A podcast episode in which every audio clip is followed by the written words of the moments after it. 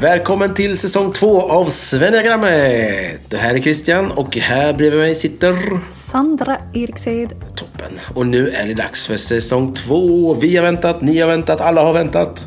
Jag är dags. så pepp så att jag kunde typ inte sova i natt. Nej, precis. Vilket, som du somnar en bit in i avsnittet här så vet vi. Då vet vi. Om det blir tyst. Ja, och jag pratar på. Det är lite synd för det är du som kommer med mycket av liksom substansen. Det blir li- väldigt blajigt om jag ska prata på sista kvarten utan att du är med. Kan inte du improvisera lite av instinkter, är du snäll? Jo, det kan jag säkert. Ja, men det var kul att vi är igång igen samtidigt.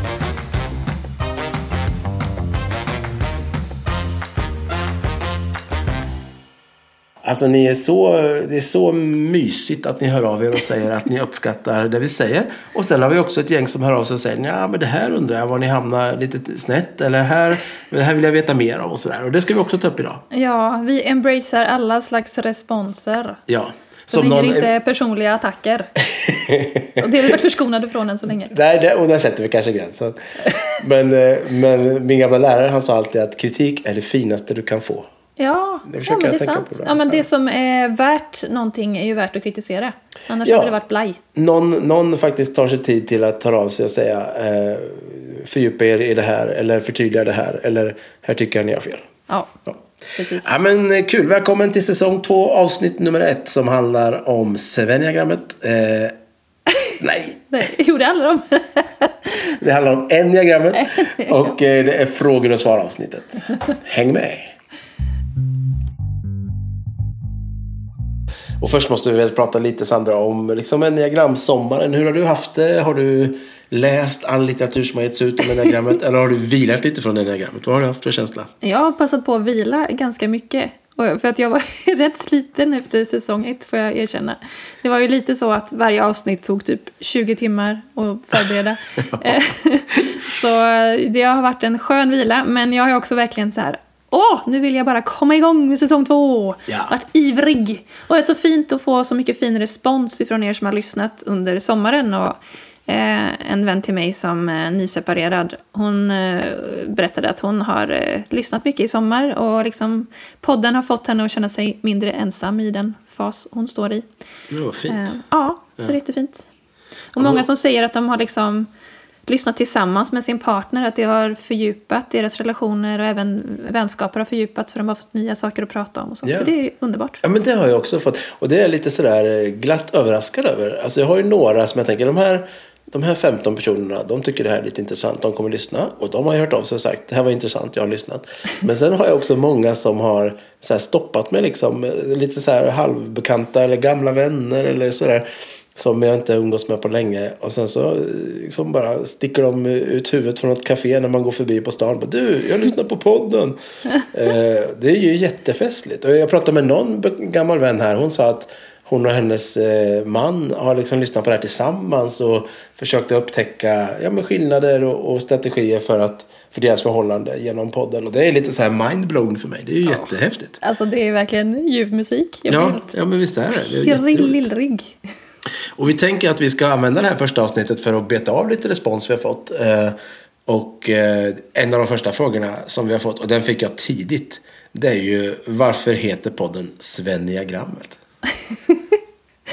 Det finns en lite rolig historia till det här. Att Ja, det här ligger helt på dig Sandra. Berätta. jag var ute och körde min bil och kände den här bubblande längtan efter att sprida enneagrammet till Sverige. Och det här är flera år sedan. Och så slog det mig bara så här, Svenniagrammet, vilket bra namn. Vilken så här ordlek. Jag är ju från Göteborgstrakten så sånt ligger ju nära till hands. Så jag bara, "Wii!" Så här, körde av till sidan. Och vet, man kan bli nästan så här lite paranoid och bara, nej, det här är en så bra idé. Jag, kommer, jag får inte Någon glömma måste den. tänka det samtidigt Jag som får jag. inte glömma den. Hjälp. Ja, men det sitter säkert någon någon annanstans i Ja, världen det, så och tänker ja. samma Ja, sak. precis. Jag måste snabbt registrera det. Bokar upp alla domäner, alla Instagramkonton. All... Precis. Så jag, jag skapade ett Instagramkonto och sen har det legat vilande i flera år i väntan på Jaha. denna stund. Eh, och ja, men för att förklara då, det är ju helt enkelt så att jag då, eh, ja, jag vill nå ut, jag vill göra enneagrammet mer lättillgängligt för Svennebanan. Ja, Svennebanan, alltså Sve- svennen ska, Ja. ska lära sig om enneagrammet. Ja, och ja, ni får tolka det välvilligt då, för det har ju absolut inget exkluderande i, i åtanke där, utan det, det är för alla. Men framförallt på svenska, att Just göra enneagrammet. För det finns ju jättemycket, det finns ju helt otroligt mycket om man börjar googla på det. Men nästan allting är på engelska. Ja, och det vart jag lite förvånad över när jag började intressera mig av det här. Att det finns väldigt lite på svenska, alltså typ, typ en eller två böcker liksom. Ja. Eh, och sen så finns det hur mycket som helst på, eh, på nätet eh, på engelska då, och mycket från USA. Ja, och det blir ju väldigt lätt en... Eh, även om svenskar som generellt är bra på engelska så blir det ju en tröskel. Speciellt om det är liksom ett nytt koncept och så kanske så här, ja, men det är ändå det är inte jätteenkla grejer när det handlar om psykologi och Nej. grejer, grejer som oss. Nej men absolut. Det, jag tror absolut det är en eh, tröskel som vi ska försöka, som vi hjäl- hjälps åt med andra som gör enagrammet på svenska i Sverige så hjälps vi åt att sprida det här i vårt land.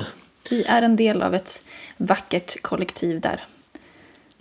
Ehm, ska vi ta nästa fråga? Ja, Ja, och då, den här frågan fick jag också av en, en gammal kollega till mig. Hon reagerade på något avsnitt där vi pratade om, eh, ja men vi pratade om de här typen av strategierna då. Och då så sa hon, ja men ni säger att ni är, eh, som jag då, att ni är en nia. Ja. Men borde man inte istället säga att man har, använder sig av den här strategin? Det är en väldigt eh, bra reflektion och jag märker att, för jag säger så hela tiden, ja, men jag är en tvåa. Eh, och jag märker att det blir ett litet hinder för folk också att ta till sig enneagrammet för att det känns så reducerande Ja. att prata om sig själv eller om andra som siffror. Eh, och då, ja, då får jag be om ursäkt och liksom backa tillbaka. Mitt svar på det här är ju att du är inte din strategi, men du har en strategi. Ja. Och bara den inställningen lämnar ju liksom det öppet för hopp om en möjlig förändring. Just det. Ehm, och ibland säger man på engelska när man pratar om enneagrammet så här I lead with type 4. Eller eh, så, ja, på svenska också så här, jag är dominant i strategi 6. Ja, ja. Jag tycker det är lite, liksom, det blir lite stolpigt att säga så. Så att då blir det ju liksom bara, jag förenklar det och säger jag är en tvåa. Just Men det. det är ju kanske inte det mest korrekta egentligen. Ja, men jag förstår. Så egentligen kan man, eh, precis, det mest korrekta kanske skulle vara att säga att jag, min, min mest framträdande strategi är det här. Ja. Ehm, och den har jag. Ja, precis. Jag Ja. har strategi 2. Men, eh, men när vi förenklar lite och pratar så blir det att man är en strategi. eh, Man är det. Ja, ni får Man säger se, så. se mellan fingrarna. Ja, men det, är- det är en jättebra reflektion. Och eh, i grunden kan man väl säga också att, och det är ju liksom i våran första avsnitt från säsong ett, att man inte hoppar runt mellan strategier. Nej. Man är inte en strategi i nio ena veckan och sen vart man en tvåa veckan efter och sen byter man för man tycker femman lät intressant och så. Eh, utan man har ju en grundstrategi Ja. eh, som man använder sig av. Och Sen, kan det ta så- tid att hitta den då. Och Ja, precis. I den Och det- processen kanske man hoppar runt lite. Ja, men så skulle det kunna vara när man söker sig fram lite då. Eh, Och sen tar man hjälp av olika strategier i olika skeenden i livet. Vilket vi kommer in på lite senare i det här avsnittet också. Ja.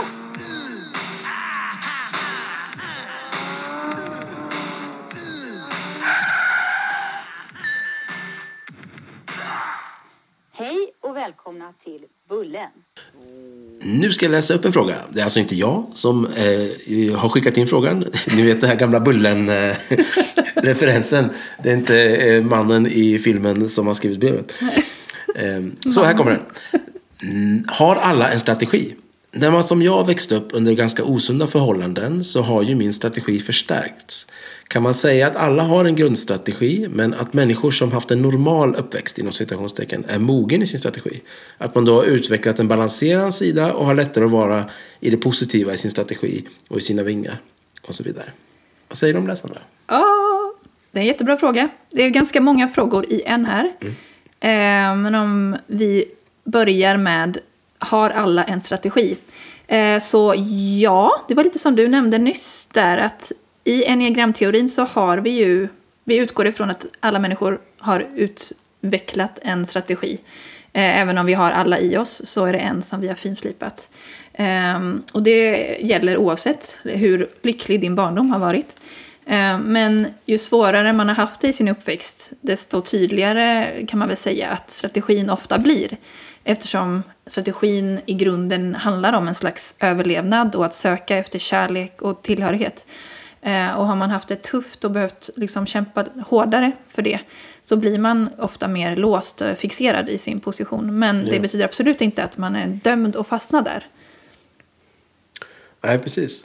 Och, och vi pratar ju ibland om att eh, enneagrammet, att man, att man liksom utvecklar en strategi, oftast då i ung ålder, är att man eh, att det är en slags överlevnad, alltså ett sätt att hantera världen.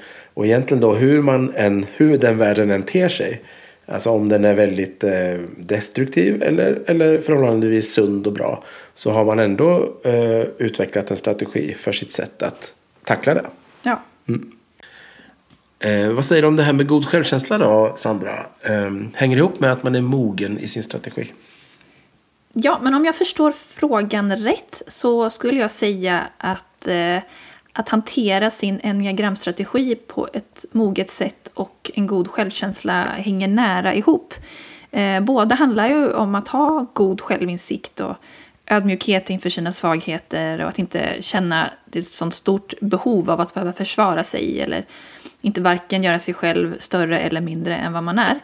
Eh, enneagrammet handlar ju i grunden väldigt mycket om att mogna som människa. Och mognad och självkänsla tänker jag ju ofta är synonymer. Eller hur tänker du där Christian? Jo men absolut det tror jag. Mognad och självkänsla hänger absolut ihop. Eh, och att man eh, mognar handlar också om att man ser liksom baksidorna av, av sig själv. och kan hantera dem på ett sätt. Och, och kanske jobb, försöka jobba bort dem. Men ändå att man kan se dem och eh, hantera dem.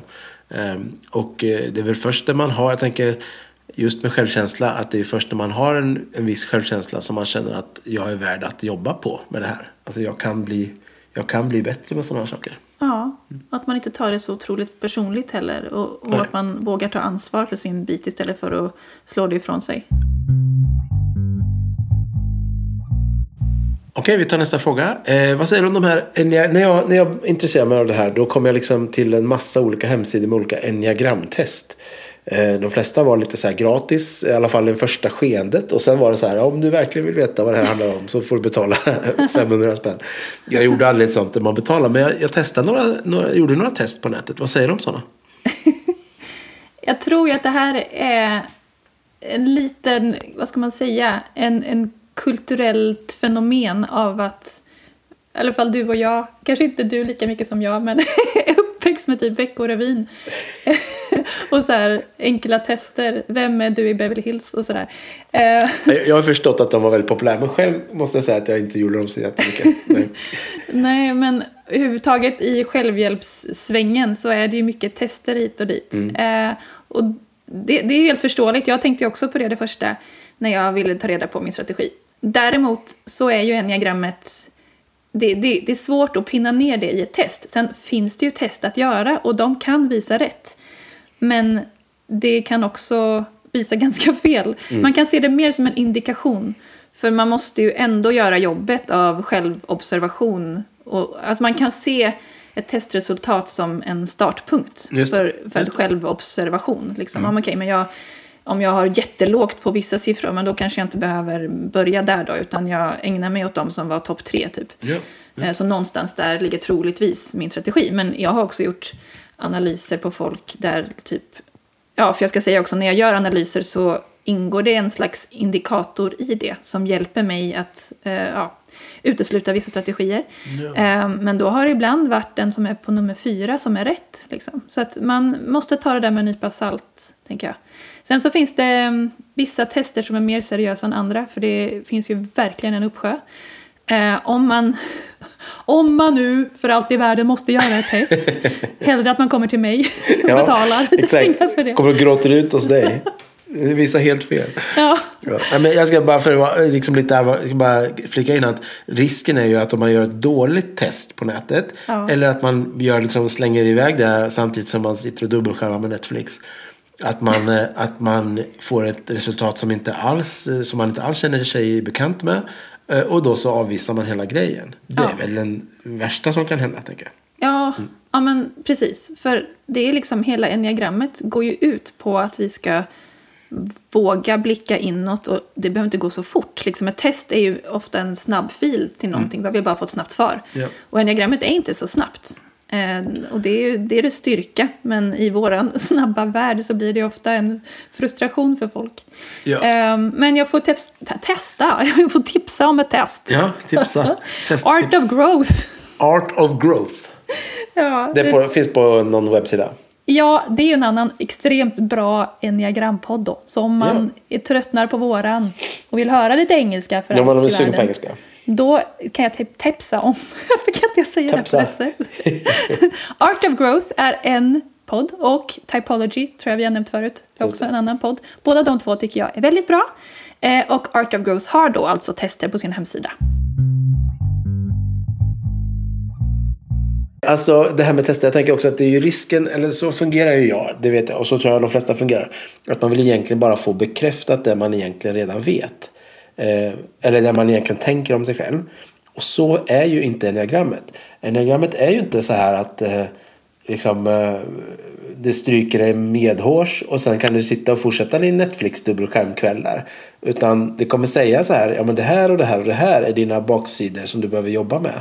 Eller dina blind spots eller sådär. Och det är ju inte så skönt att få veta fredag kväll klockan nio.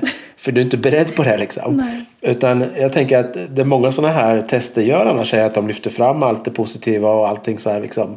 Eh, du är fantastisk och du är bra på allt det här liksom. Men enneagrammet är ju inte så. Så därför tänker jag att de här testerna är ännu lite mer luriga.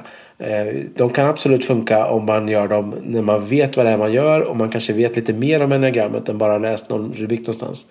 Då kan det ju vara en indikator. Men om det är en sån här liksom snabb, eh, nu vill jag bara få någonting vidimerat i vem jag själv är, så tror jag inte riktigt på det. Nej, det är bra. Bra poäng.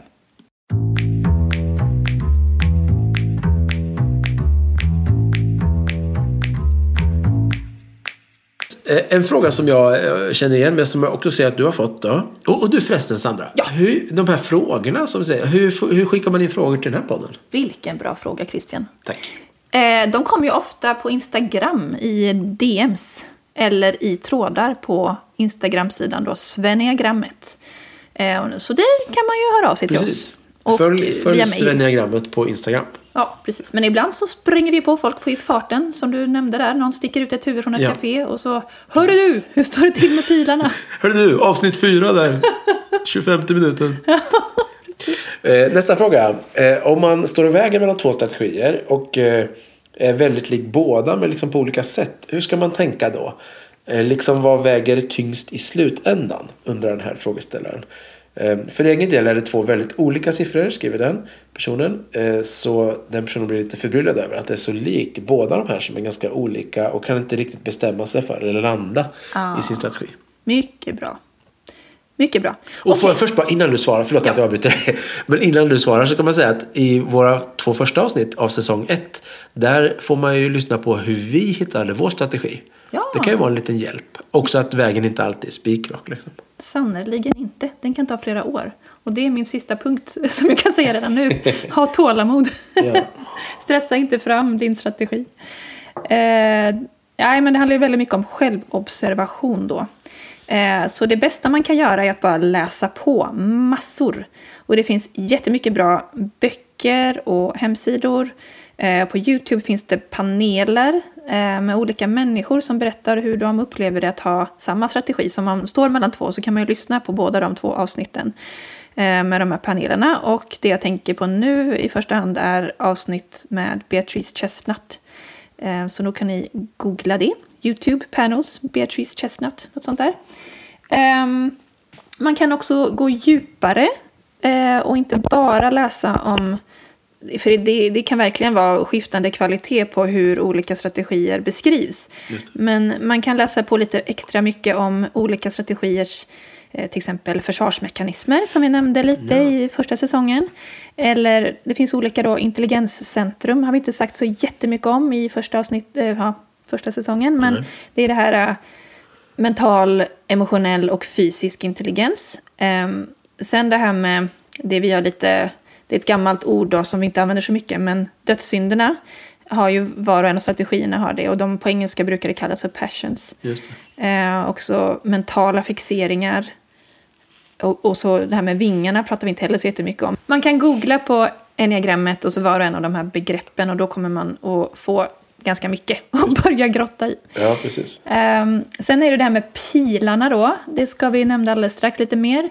Ehm, och då, till exempel den här personen som skrev frågan vet jag stod mellan tvåan och åttan. Och det är lite extra intressant för då har ju tvåan och åttan en pil sinsemellan. Och då får man ju fundera lite på, är jag en åtta som är ganska sund och då kan se ganska lik ut som en tvåa? Ja. Eller är jag en väldigt stressad tvåa? Ja, precis. En Sandra på morgonen?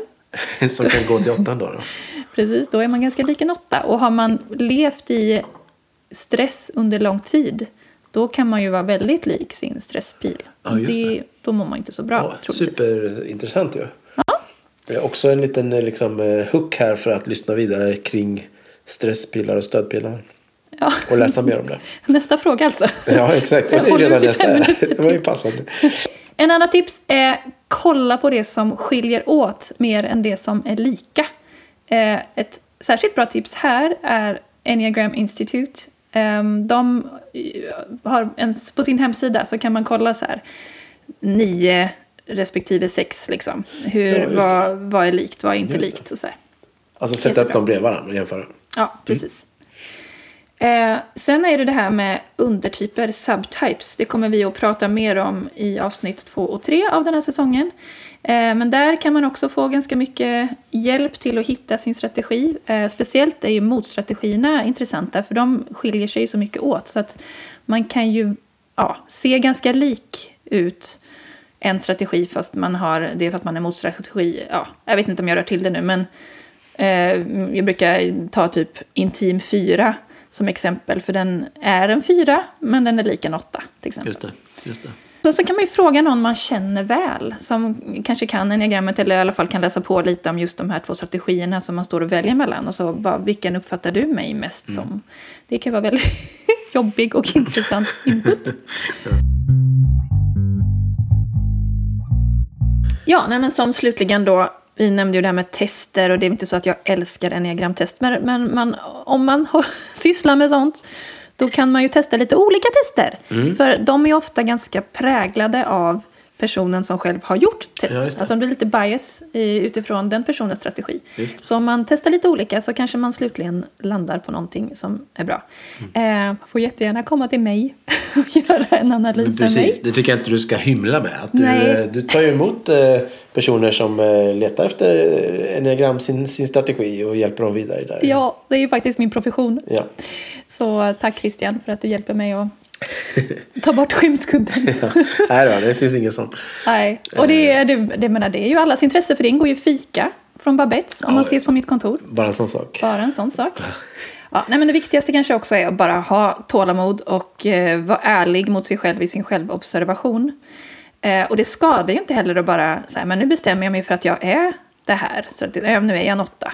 Ja. Och så kör man på det ett tag och om det inte är rätt så kommer det visa sig i efterhand. Det är liksom inte skadligt att öva på de utvecklingsvägarna. Det är mer att efter ett tag kommer du känna som att ja, men nu bemästrar jag det här ganska bra. Eh, är man rätt så kommer du, man kommer inte bli färdig. Nej, nej, men precis. Nej, och så eh, var ju din berättelse till din strategi. Ja. Ganska mycket. Så att, eh, lyssna på avsnitt eh, två. Va?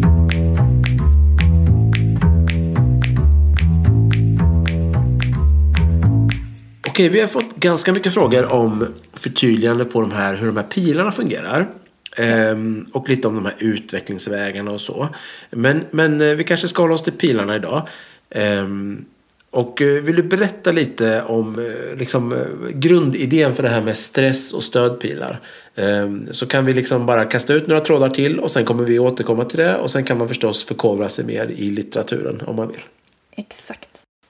Om jag minns rätt så var det i det avsnittet som handlade om ettan i säsong ett, när vi pratade lite om eh, pilar.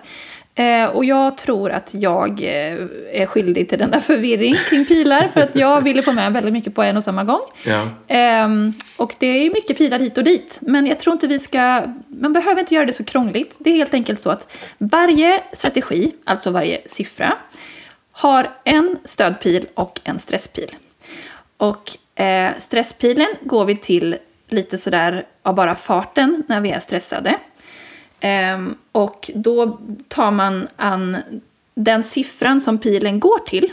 Om man kollar på hela symbolen så ser man att det är pilar hit och dit. Ehm, Symbolen är den här runda ringen och så är det massa pilar mellan olika siffror. Ja, precis. Så om man, för min del då, jag är tvåa och jag har en pil till åttan och fyran. Och åttan är min stresspil och fyran är min stödpil. Så när jag blir stressad eller inte lever sådär supermedvetet eh, då, går, då lånar jag det negativa från åttan. Eh, och det sker liksom ganska så automatiskt. Det, det ja, så. Så, så stress, när du hamnar i stress så är det lätt att du lånar och då är det det negativa från Ja. åttan. Ja, precis. Ja.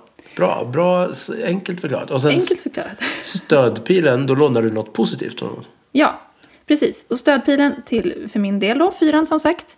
Eh, dit får jag gå mer medvetet. Jag får jobba lite mer på det. Att plocka in de positiva delarna från fyran. Ehm, men nu ska jag inte krångla till det här då. Men jag kan bara säga då att vi kallar dem för stress och stödpil. Vilket ju låter som att det ena är positivt och det andra är negativt. Men man kan också låna både positivt och negativt från båda sina eh, siffror. De här pillarna. Ja. Ja. Ehm, ja, och så hela, hela grejen med pilar. Det är en väldigt viktig utvecklingsväg. En väldigt viktig teori för att förstå hela enneagrammet. Ehm, så ge inte upp om ni tycker att jag inte gör det pedagogiskt nog. Utan läs gärna på själva. Och eh, jag ska också hänvisa till Instagram för att eh, jag ska göra ett inlägg på Instagram där det här blir lite mer visuellt tydligt Ja. hur det hela hänger ihop och vilka strategier som har vilka stress och stödpilar. Ehm, Så eh, häng in there. Ja, men det här är ju, och ja, det här är ju jättespännande tycker jag. Och just som du sa det här med utvecklingsvägar. Alltså, eh, vad är det man brukar säga med enneagram? Att it doesn't put you in a box. It shows the box you're already in. Ja. And, and how to get out of it. Typ så. Ja, men precis. Och, och eh, just det här med pilarna är ju viktigt där tänker jag. Att man, man ser då, oj nu agerar jag på det här sättet. Och det är för att jag har hamnat i den här situationen där jag känner mig osäker eller stressad. Eh, och, eh, och då om jag vet det och ser det, då kan jag ju liksom utvecklas i det. Och likadant i stödpilarna. Jag tycker att det här är superbra. Men, men det är lätt att bli lite förvirrad över det. Och jag har ju som, eh, liksom så här, eh, vad kallar vi det, noob som mina barn säger. Nej, men som nybörjare i enneagrammet. Så har jag ju liksom struntat i att läsa någonting om vad alla andra strategier använder för stress och stödpilar. Utan bara tittat på den strategin som jag har. Eh, Så att jag släpper ju allt annat och behöver inte tänka på det. Eh, Utan jag tänker bara på mig själv. I stort sett. Det är väl ändå en bra utgångsläge Ja. så här i början. Det kan vara lite överväldigande. Ja men lite så. Få lite kontroll över det själv. Och sen kan man kanske börja titta lite på vilka andra människor man har nära sig. Och, och sådär. Precis. Ja, men det är ju lite mm, så här, att jobba med vingarna, vi, vi pratar inte så mycket om det. Mm. Men det kan man se så här, ja men det är lite evolution. Men det här med pilarna, det är revolution. Oh my god. Om man gör det medvetet då. Ja, ja. Det är bra. Ja, för vingarna är också en sån där sak som eh, ifall man googlar på nätet så står det alltid någonting med vingar. Ja, Ja, och du, du, du har, vi har pratat om det i första säsongen. Men eh, du tycker inte att det är, du tycker pilarna egentligen är viktigare att prata om. ja, jag tycker pilarna, men framförallt tycker jag instinkterna. så som vi de kommer kommer i avsnitt två och tre Ja. av den här säsongen. Jag tänker att vingarna, det, var, det, det är lite äldre enneagramteori som tar upp vingar. Eh, och jag gissar att det är så att den hade sin funktion liksom, när, den, när, de, när man pratar mycket om det. Men eh, sen dess har teorier om instinkterna utvecklats mer. Och de ersätter det språket, eller liksom, det ger ett språk till det som vingarna försökte förklara. Ja. Så det kommer vi mer till. Bra eh, cliffhanger till avsnitt 2 3. Ja. Yes, vi kikar på nästa fråga då. Och den är kort och eh, enkel, jag säga. Det är den inte. Den är inte enkel, men kort och tydlig. Hur kommer jag vidare utan att göra våld på mig? Jag tycker det är en jättebra fråga, men jag tyckte det var lite svårare att ge ett bra svar på Ja. den. Ehm, då får man kanske definiera lite vad, det här med att göra våld på sig. Jag tror ju att det kommer kännas lite så när man börjar jobba med enneagrammet, för då kommer man ju att göra saker som är obekväma eh, och som man inte har gjort förut, för att man har alltid gjort saker på samma sätt och fått kanske ganska samma resultat. Och nu så förväntas vi göra någonting som går lite emot vår instinkt. Mm, det. Ehm, och det kan ju skava ganska mycket och vara väldigt obekvämt, men det är ju där vi växer. Eh, Men jag skulle väl vilja ge som tips till den här personen att verkligen börja studera sig själv och den strategi som man känner sig mest träffad av. Eh, Som vi nämnde lite här förut, att man ska bara läsa på så mycket man kan. Ehm, Och själva kunskapen i sig tycker jag gör väldigt mycket. Ehm, Man får ju liksom kött på benen och kan se sig själv när man agerar i vardagen. Bara, Oj, nu gjorde jag så där igen. Så kan man fånga upp sig själv innan man har gjort för mycket i den riktningen. Ehm, och så kan man ifrågasätta sin egen autopilot. Varför vill jag göra si eller så just nu? Um, ofta så är det en väldigt stark kraft inombords som drar oss i något håll. Eh, ja, så man kan behöva bränna lite kalorier för att gå emot det sättet man alltid har gjort. Ja, men precis. Och det där är ju jättetydligt tycker jag. När jag liksom eh, verkligen eh, sökte min strategi och, och funderade över den. Då var det just det här med autopiloten. Att liksom inte acceptera den i vardagen. Utan att eh, ifrågasätta. Varför tänker jag så här? Varför gör jag så här? Varför får jag känslan av att jag måste ringa den här personen direkt? Varför måste jag släta över ett problem? Varför måste. Alltså där. Ja. Och eh, jag våra berättelser, eller min berättelse i alla fall från säsong ett där, när jag hittade min strategi, den handlar ganska mycket om det, att ifrågasätta. Så på ett sätt gör man ju lite våld på sig. Man gör våld på sin autopilot. Men det är ju för att kunna komma vidare kan man säga. Ja, och det är ju inte skadligt skulle jag vilja säga. Nej, Det beror precis. på kanske på hur man gör det, men Det är lite obekvämt är det kanske. det är väldigt obekvämt. Ja.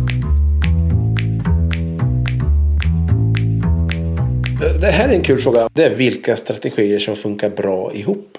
Och vilka som inte funkar så bra ihop.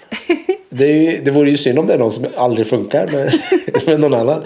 Så är det inte riktigt hoppas jag. Men, eh, men eh, kan man säga, det står också så här mycket om eh, liksom, tvåsamhet. Vem är min bästa partner här? Liksom? Ja. Eller en tvåa eller en sjua eller en trea. Eller, ja. Jag älskar den här frågan och det var en av de första som jag själv började grotta i för att jag är så intresserad av relationer.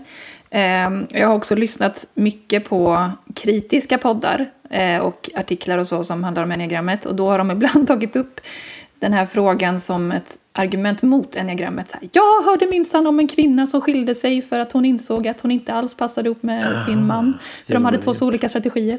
Eh, Och det tycker jag är ett väldigt förenklat sätt att se på det hela. Att, eh, så, det kanske man kan komma fram till, men det är inte enneagrammets fel. Nej, nej, precis. Eh, utan det är ju liksom, det här handlar ju om mognad mer än vilken strategi man har. Eh, healthy people make healthy relationships. Och det har ju, jag tänker, du har mycket större, eh, vad ska man säga, eh, större möjligheter att lyckas i dina relationer om du kan enneagrammet och tar det på allvar. Och om din partner gör det. Ehm, och det är samma så här, hurt people, hurt people. Det, det handlar ju då, det är inte så att två alltid passar jättebra ihop med eh, X-strategi. Ehm, utan det är som sagt, det handlar om mognad. Ehm, och hur man agerar klokt utifrån den man är. Och för att försöka förstå den andras perspektiv och ha tålamod och nåd med den personen. Eh, och det gäller ju oavsett kombination då. Men så finns det ju mer eller mindre vanliga kombinationer. Ehm, och det kan ju vara lite, det finns det faktiskt en viss statistik på. Sen får man väl ta det med en nypa salt, för jag vet inte exakt hur man tagit fram den statistiken. Ehm, men, och det kanske säger mer om hur vanligt förekommande vissa kombinationer är. Det handlar inte så mycket om hur kompatibla de är. Eh, och jag ska ta några sådana exempel nu. Och jag kan också kanske referera till en bok som är bra kring detta som, ett, eh, som heter The Enneagram in Love and Work som Helen Palmer har skrivit. Eh, och hon tar till exempel upp att det är vanligt att ettor är i relation med tvåor och sjuor. Eh, och det, ja, det finns lite olika. Jag, jag tänker spontant att ettan och tvåan, eh, det de har gemensamt är att båda är plikttrogna, eh, vill göra gott i världen och kan liksom, de känner igen sig själv, eller de känner igen varandra i den strävan. Så. Ehm, och så 1 och 7, den kombinationen kan man ju se att de delar en linje mellan sig, att de har pilar till varandra, då på tal om pilar. Eh, Så för eh, sjuan har ettan som stresspil. Och, och en pil, en linje går ju i båda riktningarna. Det. Så det blir ju att ettan har sjuan som sin stödpil då. Ehm, och då kan de ju mötas lite där. De förstår kanske varandra lite grann och kan ha tålamod med varandra extra mycket. Ehm, för att ettan behöver lära sig att slappna av lite mer och ta livet lite lättare som en sjua. Och sjuan behöver mer av ettans disciplin och struktur. Men jag tänker också att det här kan, precis som man kan se det positivt och se att de kanske kan förstå varandra bra, så kan det också vara en väldigt krävande kombination. För de eh, är ju varandras motsatser till stor del.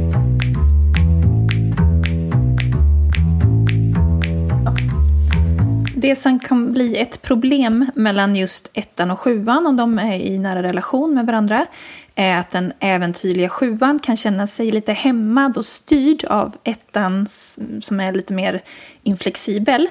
Eh, och ettan kommer se sig mer som den vuxna som måste ta ansvar och liksom se som ett ansvar att tygla sjuan. Eh, så det är lätt att de här två kan polarisera varandra eh, och att ettan då blir onödigt rigid. För de tycker det behövs för att sjuan är liksom lite mer drömmande, visionär och sådär. Ja.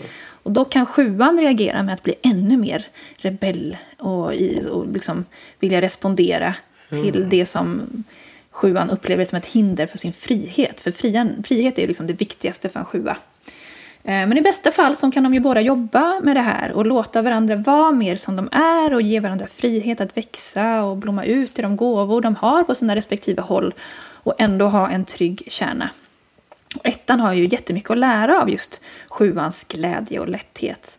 Eh, och det tror jag att ettan vet innerst inne ja, ja. och längtar efter. Ja. Men kan lätt känna liksom skuld och skam inför det. Det ligger ganska djupt ner för att våga släppa fram det.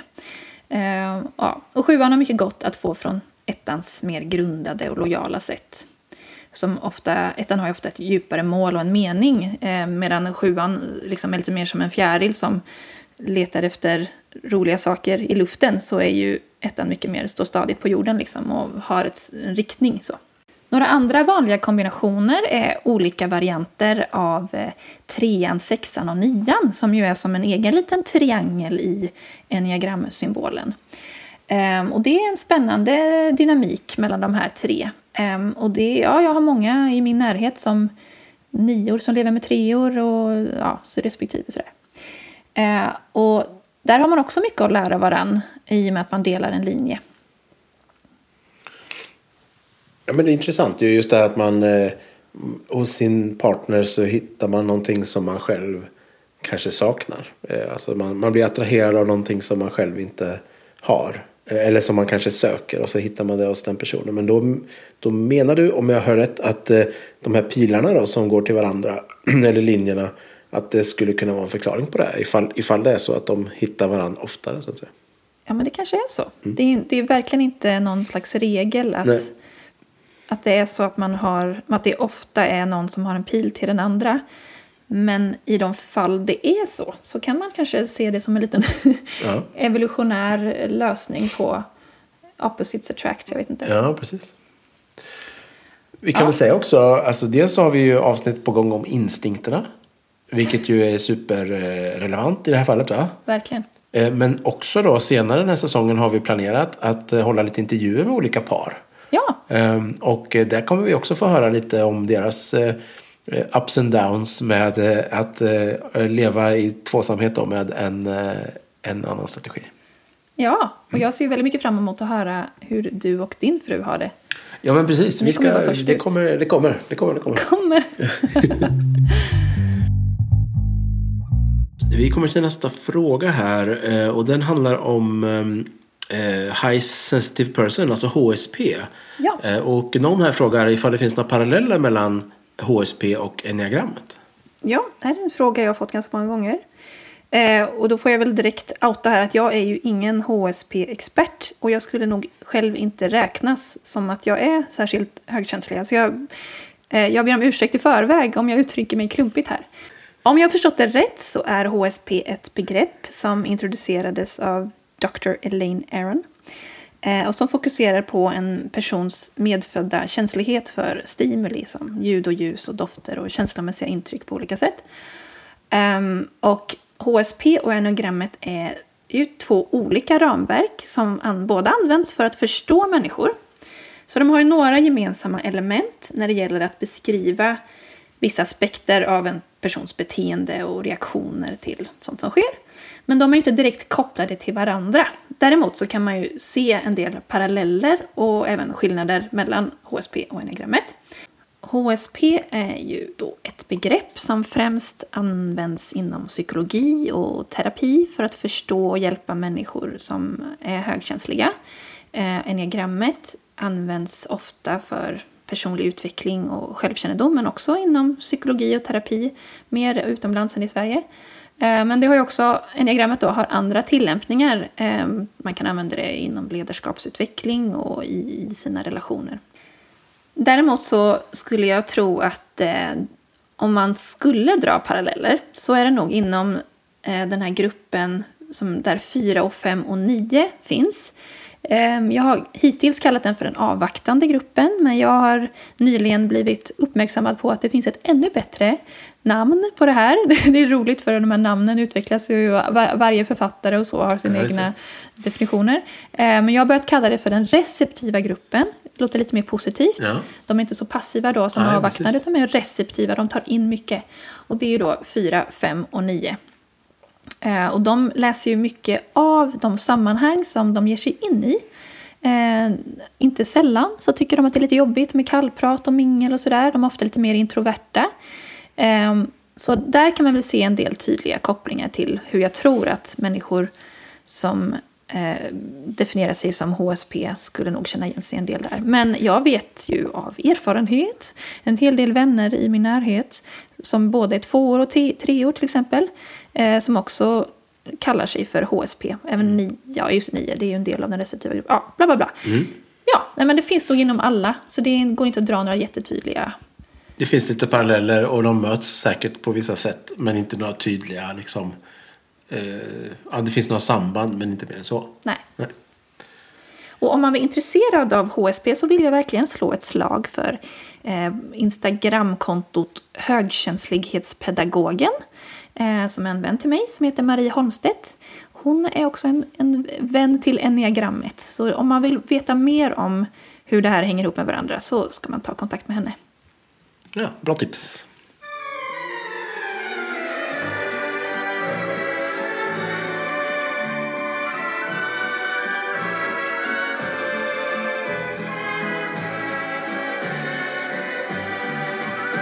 Ja, dags för veckans spaning. Första spaningen för säsong två. Woo, spännande. Woo!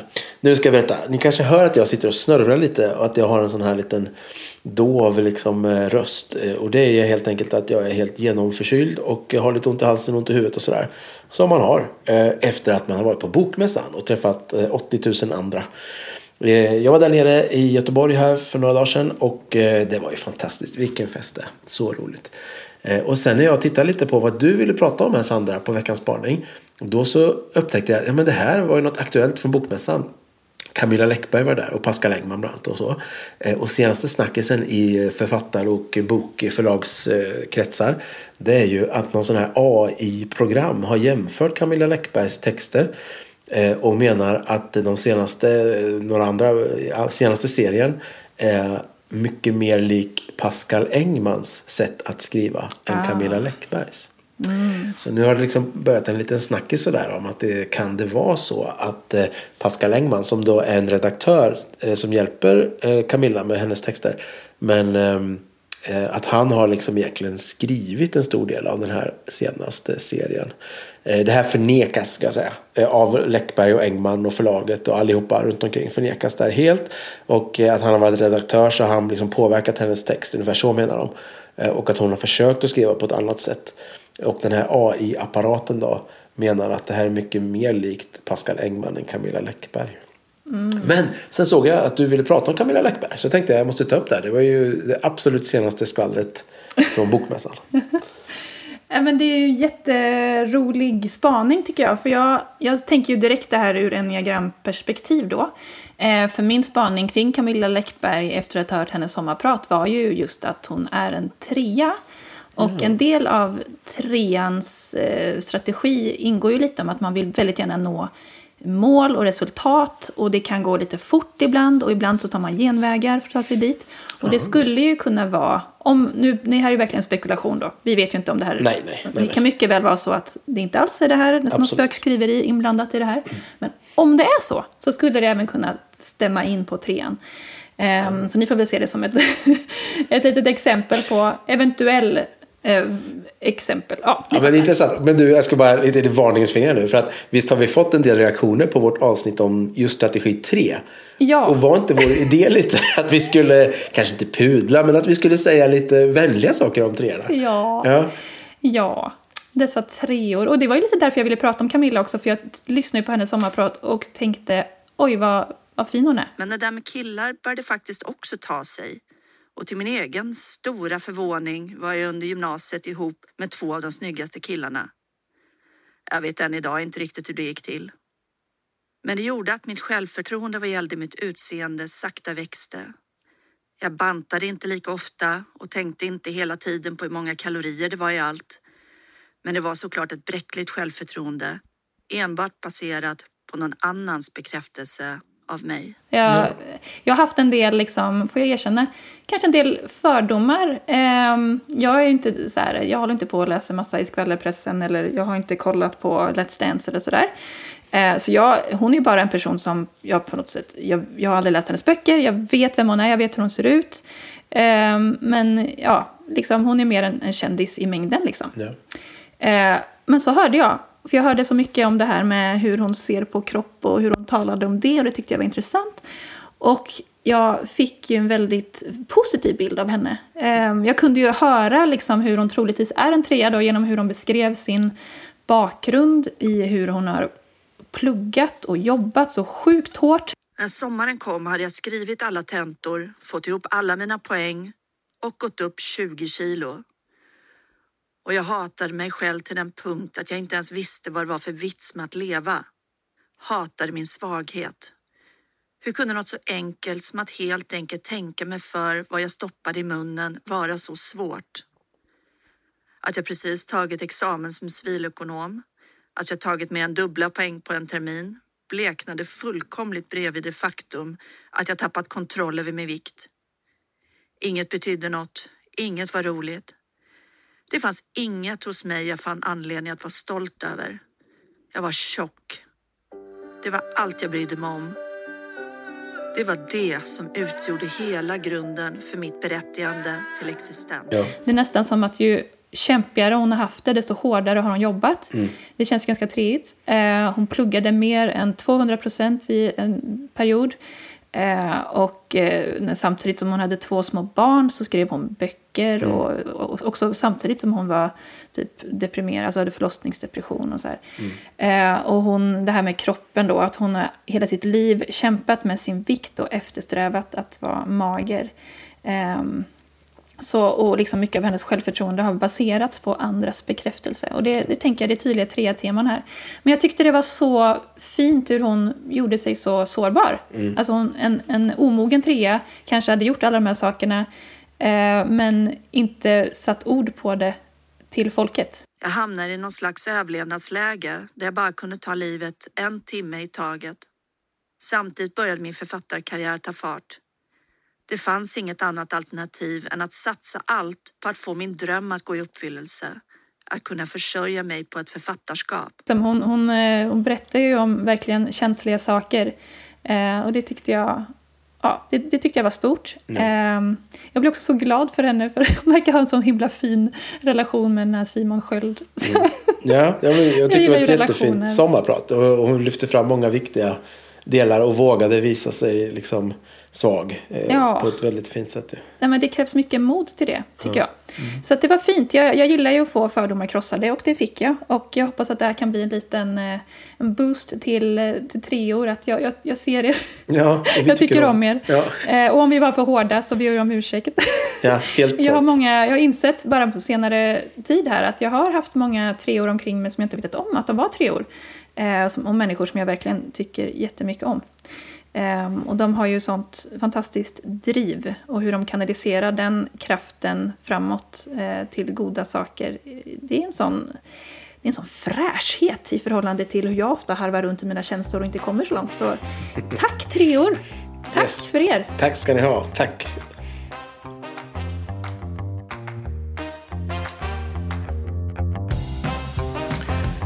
Tack att ni har lyssnat på avsnitt nummer ett, säsong nummer två av podden Svenniagrammet. Vi är igång! Vi, är igång. vi är igång. Jag är så glad! Och det är, är så fantastiskt. Och det här var vårt första frågor och svar avsnitt. Jag fick lite mer smak måste jag säga. Ja, men det var roligare än jag trodde. Så bring skicka in era frågor till oss. Skicka in era frågor. Eh, så nu så kommer en massa spännande avsnitt framöver den här säsongen. Och följ oss och sprid ordet om oss och eh, ha en fantastisk fin dag där ute.